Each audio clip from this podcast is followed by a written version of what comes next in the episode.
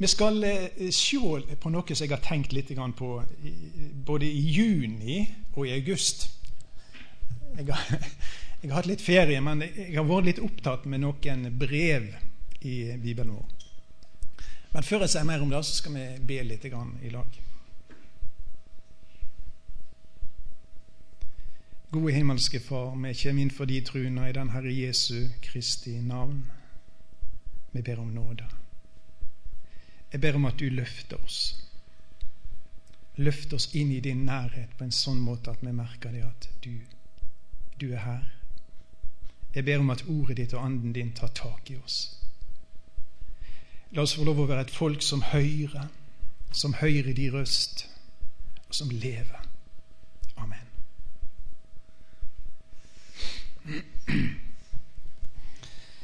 Vi er i Korint. Året er sannsynligvis 51 eller 52 etter Kristus. Sannsynligvis sitter én eller to mann og skriver, og de skriver et brev. I slutten på det brevet står følgende Jeg, jeg må si innledningsvis at jeg har nynorskbibel. Jeg håper ikke det skaper altfor store problemer. Jeg vet ikke om jeg er et bokmålsrike nå. Nynorsk er det nærmeste vi kommer hebraisk, bare så du er klar over det. Og I min nynorskbibel står det Eg tek dykk i eid ved Herren. Lat brevet verta lese opp for alle brødrene. Da tenker jeg dette er alvor.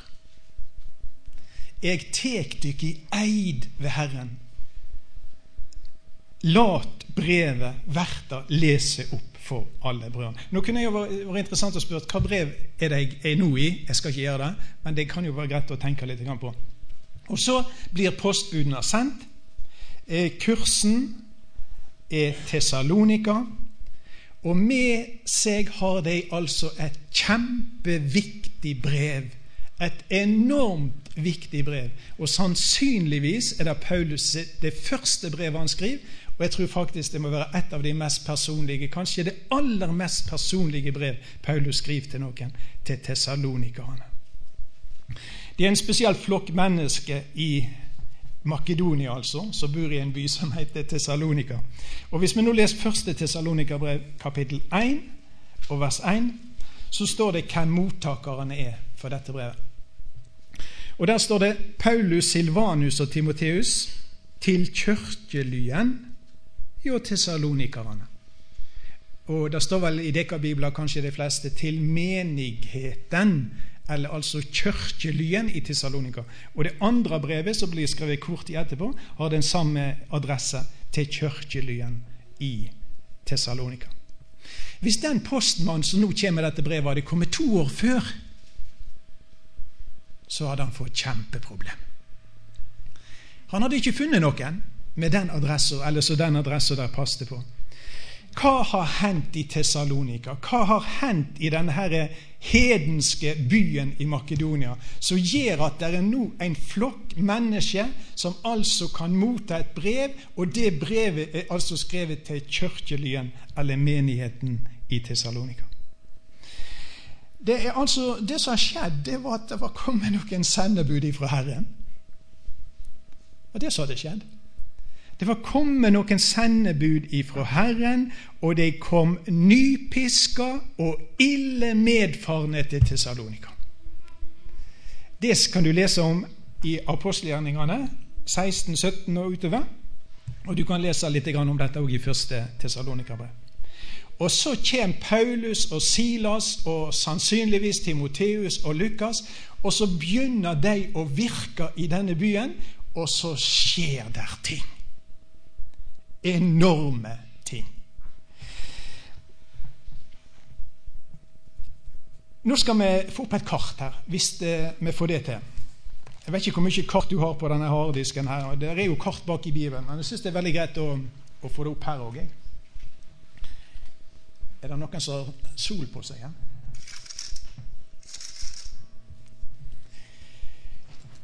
Så skal vi se litt på disse her eh, karene her som altså er ute og reiser, og det er den andre misjonsreisa vi nå snakker om. Jeg har blitt så fascinert av dette kartet. Eh, sannsynligvis starta de da i denne byen som heter Antiokia. Og så reiser de her. Jeg har prøvd å, å se Tessalonika her oppe. Eh, hvis vi hadde fått kartet litt ned, men det gjør vi kanskje ikke. Så ligger Se der, ja. Underets tid. Ja. Så kommer de her, og så kaller Gud dem over til Europa, over til en by som heter Filippi, så de kommer ganske snart når de kommer over til Europa. Og så går de videre til Tessalonika. Og Den andre misjonsreisen fortsetter her så denne stripa går her. Sannsynligvis. Det er hvis de er helt enige alle. Men det som jeg tenker på når jeg ser det Kan du tenke deg hvor mange timer Paulus og kompani, Jesus sine vitner, er på reise? Det var artig å ha en sånn Nå har dere sett en skritteller. ikke Altså, Plassert en skritteller på, på Paulus. Sett hvor mange steg han tar for Jesus. Jeg tror vi skulle blitt overvelda. Jeg, jeg, har prøvd å finne ut hvor lang denne andre misjonsreisen Jeg har ikke klart å finne ut skikkelig. Hvis noen vet det, så må du si det til meg. Men jeg la en sytråd på her, jeg. Og så prøvde jeg å se hvor lang sytråden ble, og så står det en sånn skala her, vet du. Eh, og jeg fant ut at den der reisen der måtte jo nærme seg 500 mil. Og ca. 300 av de milene trakk han på beina sine. Han gikk for Jesus. Videre og videre og videre med Jesus. Vet du hva, Når jeg, jeg tenker på de tingene, så spør jeg hva er, det, hva er det med dette mennesket her? Hva er det med folk som finner på noe sånt? Det, det var jo flotte badestrender der nede. Kunne du lagt av. Eller kunne gått i kloster? Men altså, han er stadig videre, stadig videre, stadig videre. Hva er det som driver disse folkene? Vet du hva som driver dem? Det er Jesus.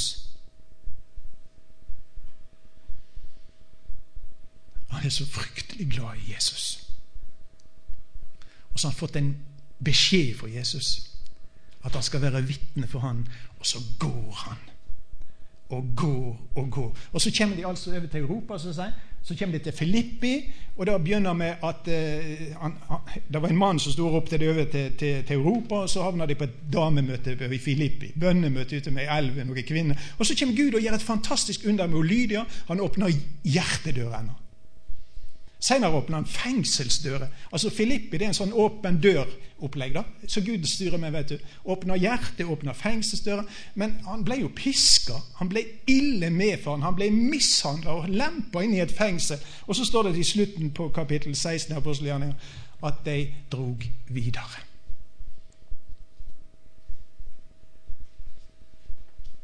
Vet du hva? Det var ingenting som kunne stoppe det. Det var ingenting som kunne stoppe disse vitnene. Videre, videre. Mil etter mil. Ja, videre. Og det som jeg tenker på Når jeg leser om Paulus og de karene her, det er ganske enkelt. Jeg tenker litt på meg sjøl og så spør jeg hvor mange steg har du gått for Jesus? Hvor mange timer har du brukt for at andre skulle bli kjent med Han som du kjenner? Vel, de kommer altså til, til, til Filippi, og der altså blir de da jaga videre. Og så kommer vi til apostelgjerningene 17, og da er vi kommet til Tessalonika. Eh, hvis det er bibler med dere, så bare slå opp, skal vi lese litt fra apostelgjerningene kapittel 17. Etter at de hadde reist gjennom Amfipolis og Apollonia, kom de til Tessalonika. Der hadde jødene en synagoge. Paulus gikk inn til dem, som han bruker å gjøre, tre sabbatsdager, altså tre lørdager taler han med deg ut fra Skriftene. Han la ut for deg og viste at Messias laut lia stå opp fra de døde, og han sa:" Den Jesus som jeg forkynner dykk, er Messias. Noen av de ble overtydde og gav seg i lag med Paulus og Silas. Det samme gjorde en stor flokk av de grekerne som dyrker Gud, og ikke få av de fremste kvinnene. Men jødene vart egga til brennende ihuge, iver. De fikk med seg noen vonde mennesker, noen pøbler. Det er en farlig blanding, det. Religiøse mennesker og pøbler. Da kan det bli mye galt. Som gikk og dreiv på torget og fikk i stand et oppløp som satte hele byen i røre. Så trengte de fram og huset til Jason og lette etter dem for å føre dem fram for folket. Kjenner du Jason? Flott navn. Jason. Det, det, det, klinger så positivt. Jeg håper det er mange sånne ja-soner i Guds rike. Det er noe av nei eller vent, men det er ja-sånn. det er sånn flott navn, syns jeg. Men da de fant dem, eh, drog de, de, med, drog de med seg ja, Da de ikke fant dem, eh, drog de med seg Jason og noen av brødrene til bydommerne og ropa 'Disse som oppvigler hele verden, nå kommer hit òg'. Hører dere det flotte vitnesbyrdet? Altså det, er et, eh, det, er jo egentlig noe negativt, da. men hør hva de sier om disse vitnene til Jesus. De oppvigler hele verden. Vet du hva kristne dette er? Dette er kristne som skaper bølger. Hvor de kommer, skjer det noe. Det er en bibel jeg har. Der står det de snur hele verden på hodet.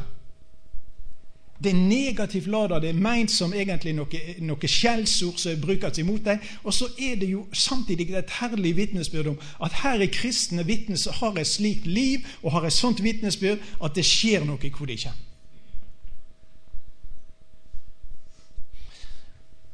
Det er altfor mange kristne som skaper altfor lite røre. Jason har tatt imot dem. Alle er de stikk imot keiserens bod og sier at en annen, en som heter Jesus, er konge. Både folkehopen og dommerne ble skremte da de hørte dette, men da Jason og de andre hadde borga for det, fikk de gå. Men straks, natt, men straks natta kom, sendte brødrene både Paulus og Silas av sted til Berua. Da de kom dit, gikk de til synagogen til jødene. Her er starten på det største som kunne skje i Tessalonika. Og hva er det som skjer? Det er noen vitner, som jeg sier, ifra Herren, som kommer til denne byen. Hva gjør de? De forkynner Jesus. Vers 3 sto det han la ut for dem Nå har han gått inn i synagogen. Det gjør Paulus som regel alltid. Han går inn i synagogen. Det er tre lørdager. Nå gikk han inn i denne synagogen, og så begynner han å legge ut. Og hør igjen. Når underet skjer i denne byen, så har det med noen vitner som kommer fra Herren, å fortelle noe om Jesus. Og Det ligger litt på hjertet mitt å si disse tingene og strekke litt under disse tingene. Fordi at vi lever nå i en tid da folk altfor mange har mista trua på forkynnelsen. De har mista trua på det enkle vitnesbyrdet om Jesus. Men Vi skal se litt på det nå etter hvert. Men det er altså det det starter med i Tessalonika. Når de snart nå kan skrive til en flokk, en menighet i denne byen. Altså nye mennesker i denne byen som har blitt guddommelige under. Så har det med at noen har kommet og snakket om Jesus.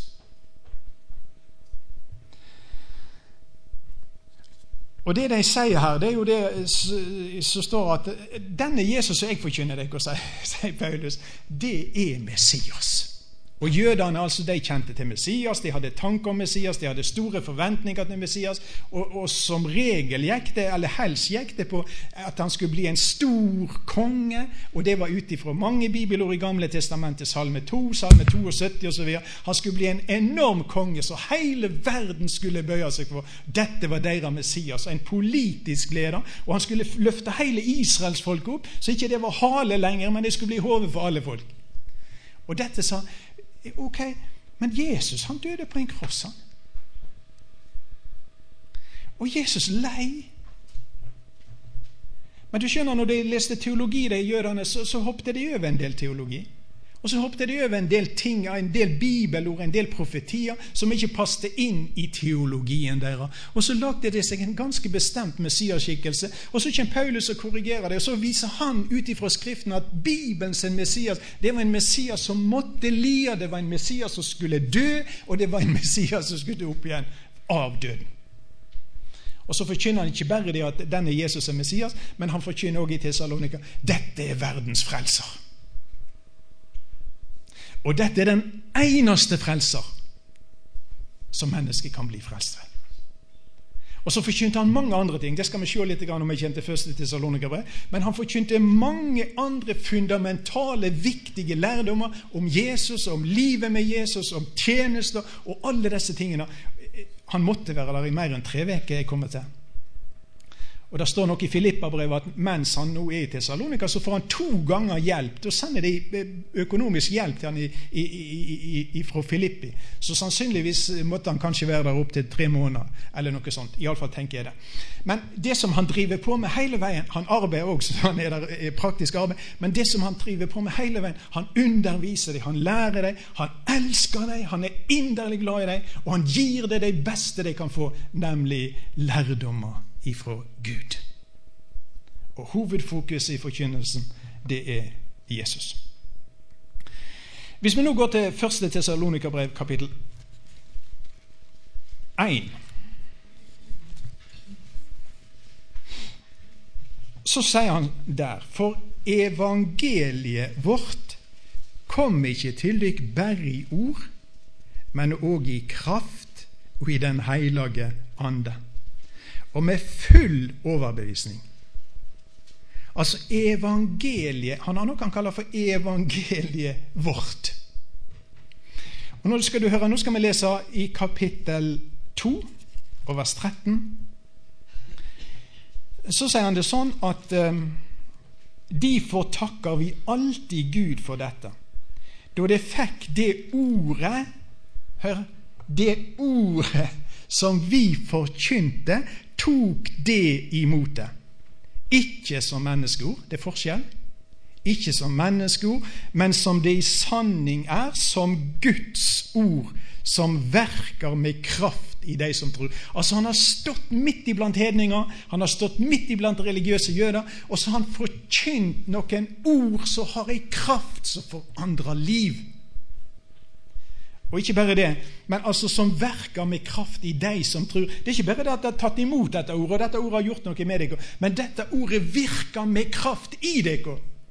Altså Du har fått inn noe, og dette du har fått inn, da kan du for så vidt registrere, og Paulus kunne registrere det har skjedd noe med deg, og det skjer noe med deg. For det ordet som de har tatt imot, det gjør noe med deg hele veien.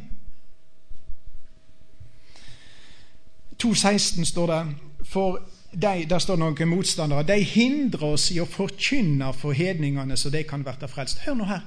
Forkynne for hedningene så de kan bli frelst. Hvor skal folk bli frelst? De skal bli frelst ved forkynnelse, og det vet Satan. Og Derfor så setter Satan inn òg i Tessalonika. Han prøver å hindre dem i å forkynne så de skal bli frelst. Jeg lurer på om folk i Norge i dag vet hvor de skal bli frelst. Det er slettest ikke alle som vet det. Og det er utrolig mange som tror det at hvis jeg gjør, eller hvis jeg er, eller hvis jeg kan, så kan jeg bli frelst. Og noen tror at når jeg trykker på knappen, så skal Gud frelse meg. Og Noen utsetter det med frelse, og de skal bli frelst på gamleheimen. Og da skal de trykke på knappen, og så skal Gud frelse dem. Nå skal du høre her. Du blir ikke frelst uten et ord ifra Gud. Du blir ikke frelst uten Gud virker ved ordet sitt og anden sitt i hjertet ditt. Og Det der er så viktig å si, og jeg føler spesielt på det der i, i den tida som vi lever i nå. Første Korinterbrev 1. Nå skal du høre. Det er sånn kjerne, kjerneavsnitt for min del når det gjelder disse tingene. Eh, så sier Paulus, og som jeg sier han sitter altså sannsynligvis i Korint og skriver disse tesalonikerbrevene. Og Så sier han det i 1. Eh, Korinterbrev 1, vers 18, at ordet om krossen er vel en toskaskap. Ja visst er det det. er en dårskap for de som går fortapt, men for oss som blir frelst, er det Guds kraft. Altså Dette evangeliet ikke inneholdt, men det er kraft. Og hva trenger folk som er ufrelst? Hva trenger folk som er bundet av, av mørkets krefter og Satans krefter? De trenger ei kraft som er sterkere enn de kreftene som binder dem. Og så sier han her er ei kraft. Og evangeliet, sier han også til romerne, det er Guds kraft til frelse. Og så sier han i vers 21.: For da verden ved sin visdom ikke kjente Gud i Guds visdom. Det har de aldri gjort. Det gjør det ikke i dag heller. Og du kan være altså topp i denne verden når det gjelder visdom, og stokk staur åndelig blind. Da verden sin visdom ikke kjente Gud i Guds visdom, fann Gud det for godt. Ja, det er et herlig uttrykk. Altså, Gud fann det for godt å frelse de som trur ved dårskapen i forkynnelsen. Har du hørt noe så, så glitrende flott? Altså, Gud har på en måte gjort et valg. Og det valget er sånn at det er håp for alle. De som ikke kan, de som ikke får det til, de som ikke vil, de som er åndelig døde. Det er håp for dem, men da må det gå inn noe. Det må gå inn en forkynnelse, en helt spesiell forkynnelse. Og det er en forkynnelse som er en toskaskap for verden. Det er en forkynnelse som er et anstøt for jøder. Og hva er det forkynnelsen? Ja, forkynnelsens dårskap. Hva er det? en mann som henger på et kors og dør. Ved å tru på Han set Gud seg på dommersetet i himmelen og dømmer de som trur for rettferdige. Har du hørt noe bedre? Har du hørt noe større? Jøder krev tegn, grekere søker visdom. Ok, Paulus, gi dem tegn, så vil de bli frelst. Briljer med visdommen din, så vil du overbevise dem. Legg om Paulus, ikke forkynn det som en toskaskap, ikke forkynn det som anstøtelig. Nei, sier Paulus, jeg gjør sånn som jeg er bedt om. Jeg forkynner Han som dør på Golgata. For Gud har bestemt at de som setter sin lit til Han, de som, ti, han, de som stoler på det som Jesus gir for dem, at Han tar synden av dere og dommen deres og helvete for dem, de skal Gud erklære for rettferdige.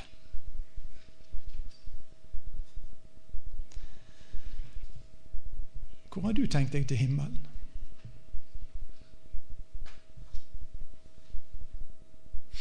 Hva satser du på?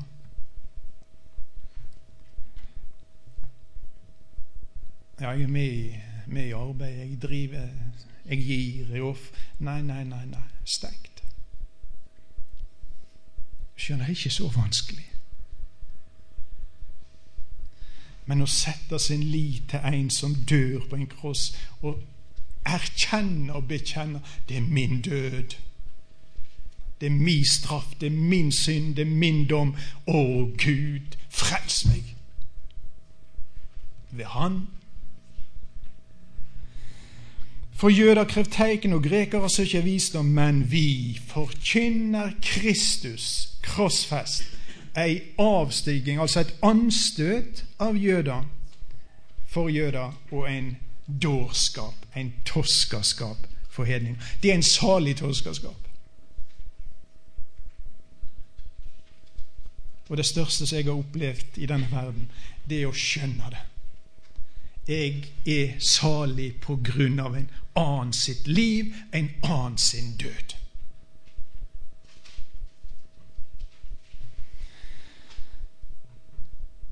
Men altså, det er forkynnelse av disse tingene som er viktig. Det er det jeg prøver å si nå i kveld.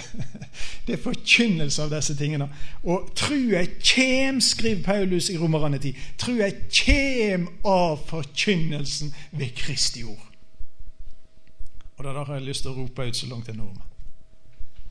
Forkynnelse. Trua kjem.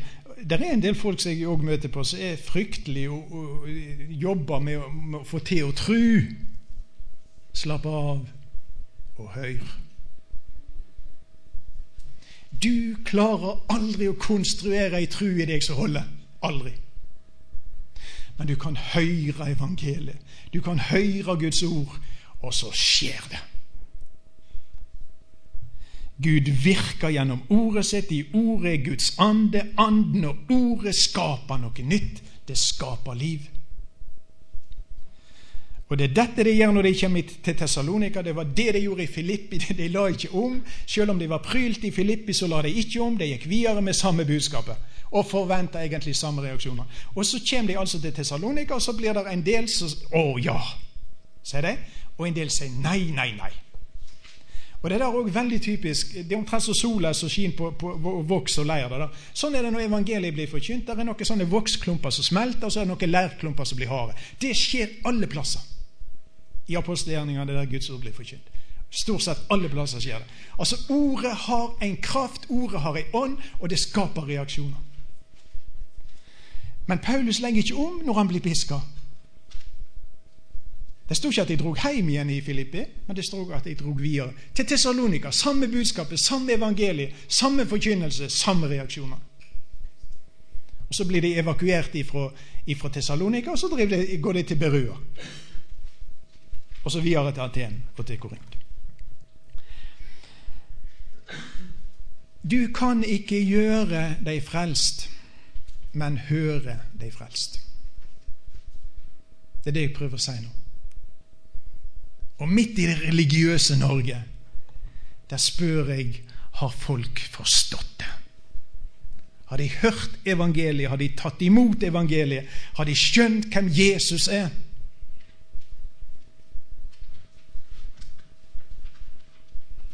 Og du skjønner ikke hvem Jesus er, og får bli nøytral. Det er umulig. Og sagt i en liten parentes at Vårt største problem som kristne i dag vet du hva det er? Jeg tror det er at vi kjenner Jesus for lite. Det er derfor, vi, har så, vi har så fryktelig lite av det problemet Svein Tore eh, refererte til i starten her i, i møtet i kveld, apostelgjerningene 4. Et kjempeproblem de hadde. Hørte du, Husker du hva han sa? Vi kan ikke la være å tale om det vi har sett og hørt. Kan du?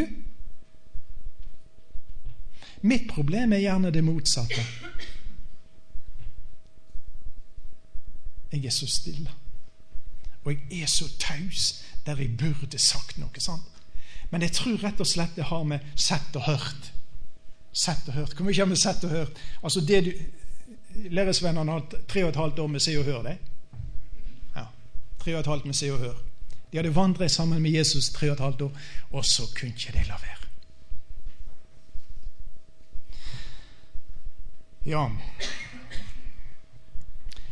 hva karakteriserer nå denne menigheten i, i Tessalonika? La meg bare si litt om det eh, mot slutten nå i kveld. Jeg har sagt det ble en ny flokk fordi det var noen som forkynte Jesus der. Det ble en ny flokk i denne byen. Eh, hva er en menighet? Hvem utgjør en menighet? Eh, nå tenker jeg på en sann bibelsk menighet. Og hva er forskjellen på en, en som er en menighet, og en som er utenfor en menighet? La oss bare se litt på det til slutt i kveld. Eh, for det første, det greske ordet her for menighet Jeg kan ikke gresk, men jeg klarer å lese sånn gresk-norsk ordbok. og sånne ting. Det, det greske ordet for, for, menighet det heter eklesia. Og Det betyr, det er sammensatt av to ord, ek og klesia. Og Jeg skjønner da at ek betyr ut, og klesia det betyr kaldt. Og det kan da omsettes de utkalte, eller de sammenkalte, eller de sammenropte. Eh, vanlige forsamlinger kunne også bli ropt sammen hvis det var noe veldig viktig som skulle skje på et bytorg f.eks. Så kunne det gå noen folk rundt i byen og rope ut folk at nå må det komme. Altså Nå skriver han til eklesiaen i Tessalonika. De utkalte, de sammenkalte i Tessalonika. Og hva er det snakk om her? Jo, her er det snakk om Gud i himmelen som har kalt noen ut. Han har kalt det ut ifra hedenskap, og han har kalt det ut ifra religiøsitet. Og så har det oppstått en ny gruppe av mennesker i Tessalonika som ikke var jøder og ikke var hedninger. De var for så vidt det, de, men det var noe nytt, og det nye er at de er Guds folk. De utkalte. Ja. Og Jeg er sikker på at det er mange her i, i denne forsamlingen Altså Det der med kall kan ikke komme inn på i kveld, men det er mange også her i denne forsamlingen som helt konkret kan fortelle om da Gud kalte deg. Kall kan være tusen ting, og Gud kan gå tusen veier, og det kan erfæres på tusen måter. Men du veit at din redning, det var den allmektige Gud i himmelen forbarma seg over deg på den måten at han kalte deg. Han sette deg i forbindelse med seg sjøl. Det er enorme ting.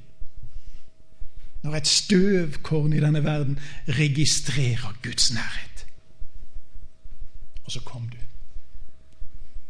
Så sa du ja til å komme ut. De utkalte. Eklesian. Det andre jeg har lyst til å si om akkurat det der med menighet eller kirkelyd, det er jo det at ut ifra det jeg leser her, og ut ifra det jeg leser andre plasser En sann menighet, det er folk med nye hjerter. Folk med nye hjerter. Vær med en tur til profeten Jeremias. Eller Jeremia, som han heter av og til. Kan bli litt forvirra over disse bibelomsetningene. Men Jeremia 31, 33. Men dette, sier Herren, er den pakta jeg vil gjøre med Israels hus etter de dagene, sier Herren. Jeg vil gi lova mi i hugen deres. Før hadde han skrevet på steintavle, husker du? sånn? Nå er det en ny pakt han snakker om, profeterer her. og nå, nå går det jo litt på israelsfolket som nasjon, men det gir ikke bare det. Det går òg på det åndelige Israel, altså Guds folk, i den nye pakt. Jeg vil gi lova mi i hugen deres og skrive henne i hjertet deres. Jeg vil være deres Gud, og de skal være mitt folk. Ser du hva Gud sier? Jeg skal gjøre et hjerteinngrep i dere. Det er akkurat det samme står i Hebreabrevet 10.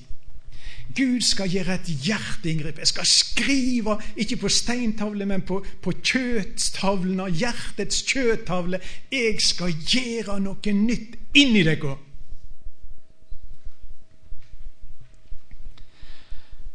Og Dette er omtalt med ut, ulike uttrykk òg, men et veldig kjent uttrykk det er jo dette i, i Johannes 3, i, der, der, Jesus møter Nikodemus. Og så sier han til Nikodemus ok, du, du flotte, religiøse, fine menneske, det er bare én ting som mangler deg, du står utenfor Guds rike. Og du må bli født på ny. Du må bli født på ny. Kjennetegnet for deg som er i Guds sanne menighet, det er at de er født på ny. De har fått nye hjerter. Når Nikodemus ja, ja, hvordan skal det gå til? og alt så videre. Vet du hva Jesus gjør da? Vet du hva Han gjør? Han forkynner evangeliet for han. Han forkynner om kopperormen som ble løftet opp. Og to ganger til Johannes evangeliet så møter du Nikodemus. Alle tre gangene det står om Nikodemus i Johannes evangeliet, så er knytta til det vesle ordet 'kom'. Han kom til Jesus. Han som kom til Jesus. Han som første gang kom til Jesus, og så fikk han høre. Og Så fikk han høre om hvordan han skulle bli født på ny, hvordan han skulle få nytt hjerte. Og Det siste gangen du møter Nikodemus i Johannes evangeliet, da står det iallfall for meg at dette, dette er en mann med et nytt hjerte.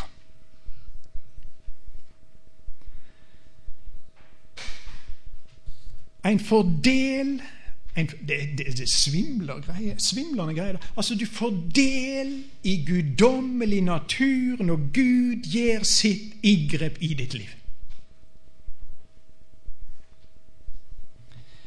Og Noe som går igjen jeg tror det var sju ganger jeg registrerte i første og andre Tessalonika, det er jo at, at Paulus snakker til dem og, og minner dem om Gud som deres far.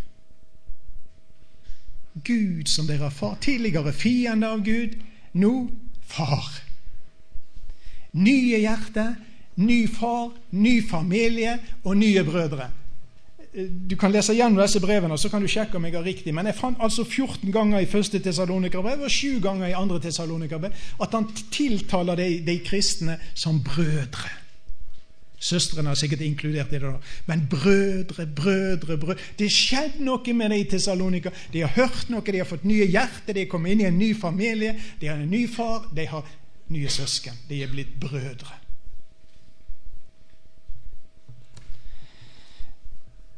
Jeg eh, siterer en engelskmann som snakker om dette med gjenfødelse og så det nye livet. og Så sier han at 'the life of God in the soul of man' Altså, det er gjenfødelse. Guds liv i menneskets sjel. Del i guddommelig natur. Født av Gud. Og dette, mine venner, det er altså noe mer enn å ha en bekjennelse av at jeg er en kristen. Dette er noe mer enn dåp og konfirmasjon. Dette er noe mer enn medlemskap i lag eller organisasjoner. Dette er mer enn en slags ytre tilslutning til kristendom. Denne veka her så har det jo kommet opp Det er jo litt interessant for så vidt. En ny organisasjon som kaller seg for Kristenfolket. Og, og, så har de skapt det veldig, veldig masse bevegelse. Da, fordi at nå, nå, nå, steiler noen, og noen klapper. Sant? Og, ja, kristenfolket, hvem er det? Ja, Det, det, det syns jeg er kjempeflott å få på. Altså. Ja, hvem er kristenfolket? Hvem er kristenfolket? Ja, hvem skal vi spørre om det? Skal vi spørre regjeringen? Skal vi spørre statsrådene? Hvem skal vi spørre? Hvor skal vi få svar på det? Det er et uhyre viktig spørsmål. Hvem er kristenfolket? Jeg sier, spør Se etter og les. Se og les. Hvem er kristenfolk? Hvem er Guds sanne menighet, for å holde oss i det uttrykket der? Hvem er det? Altså, Det er ikke det ytre, det er ikke religiøse øvelser. Altså, De som er best i å drive religiøse øvelser Hør nå her. Guds folk har Gud skapt. Har Gud gjenfødt. Der er liv og det er et annerledes liv enn det i verden. Eller hos de religiøse. Og så må jeg si det er et folk ikke bare med nye hjerter, men det er òg et folk med nye øyre. Ja. Guds folk er et folk med nye øyre. Mine sauer høyre Mirus. Den som er av sannheten, høyre sannheten. Det er flere ganger Jesus taler om det. Nå skal jeg betro dere en ting. Noe med det kjekkeste jeg vet, noen med de flotteste opplevelser jeg har hatt, det er f.eks. når jeg har vært på leir. Og Så har du første kvelden en bande som sitter på bakerste benk og trøbler. ja, det er flott de kommer. Veldig bra de kommer. Og Så går det noen dager, så skjer det noe med dem, og så begynner de eh, å, å, interessere seg for ting. Og så har det faktisk hendt at noen ganger så har de på siste møte sittet helt framme og hørt. Jeg fryder meg. Og Jeg har sagt det til noen av dem. Nå må du takke Gud for at du har fått øre. Det er noe merkelig, det der. Men så av og til kan, kan, kan, kan de føle det sånn altså det der å være på bibeltimer Det er mye kjekkere å være i tannlegestolen, altså. Det er jo helt borti en annen verden. Skjønner ingenting. sant? Og så skjer det et under, og så blir det så fryktelig interessant, dette. Og så registrerer du Gud, og så registrerer du Guds ånd, og så registrerer du disse tingene på en helt ny måte. De har fått øre. Og nå skal du høre, Det er òg kjennetegnet på Jesus sine sauer. Du har fått øre, du kan høre, du kan registrere. Du er kommet på kommunikasjonsnivå med Gud. Du kan tale til Han, og Han kan tale til deg. Det skjer masse avkristning i landet vårt i dag. Og det verste er kanskje ikke det som skjer utenfor den bekjennende kristenhet, men innafor. Og så kan vi lære mennesket opp til å se kristelig ut og preike kristelig og vandre kristelig uten at de har liv i Gud.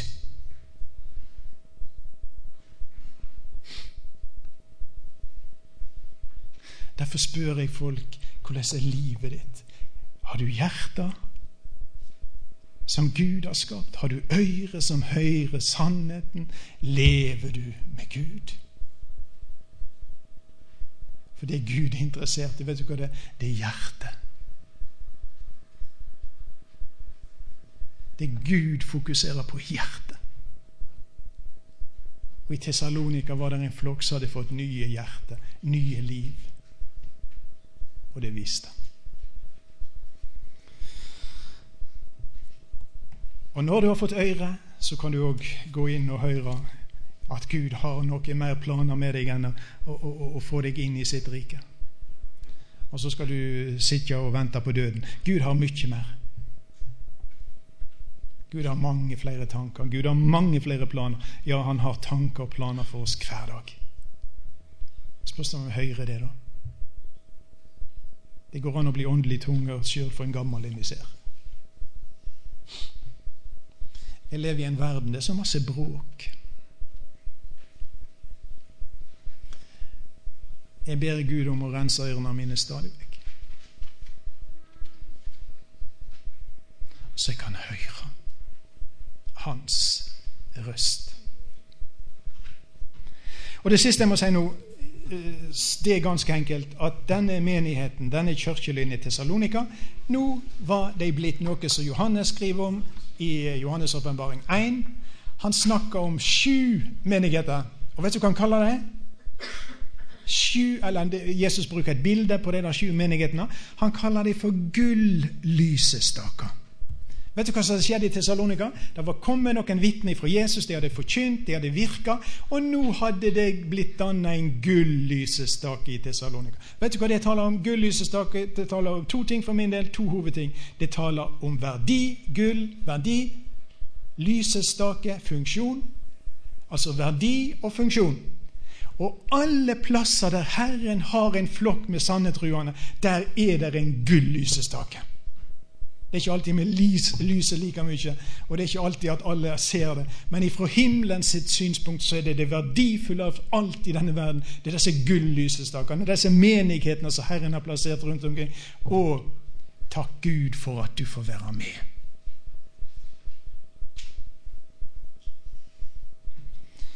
Far i himmelen, vi takker deg for det vi deler sammen. Ber om at ordet ditt får lyse for oss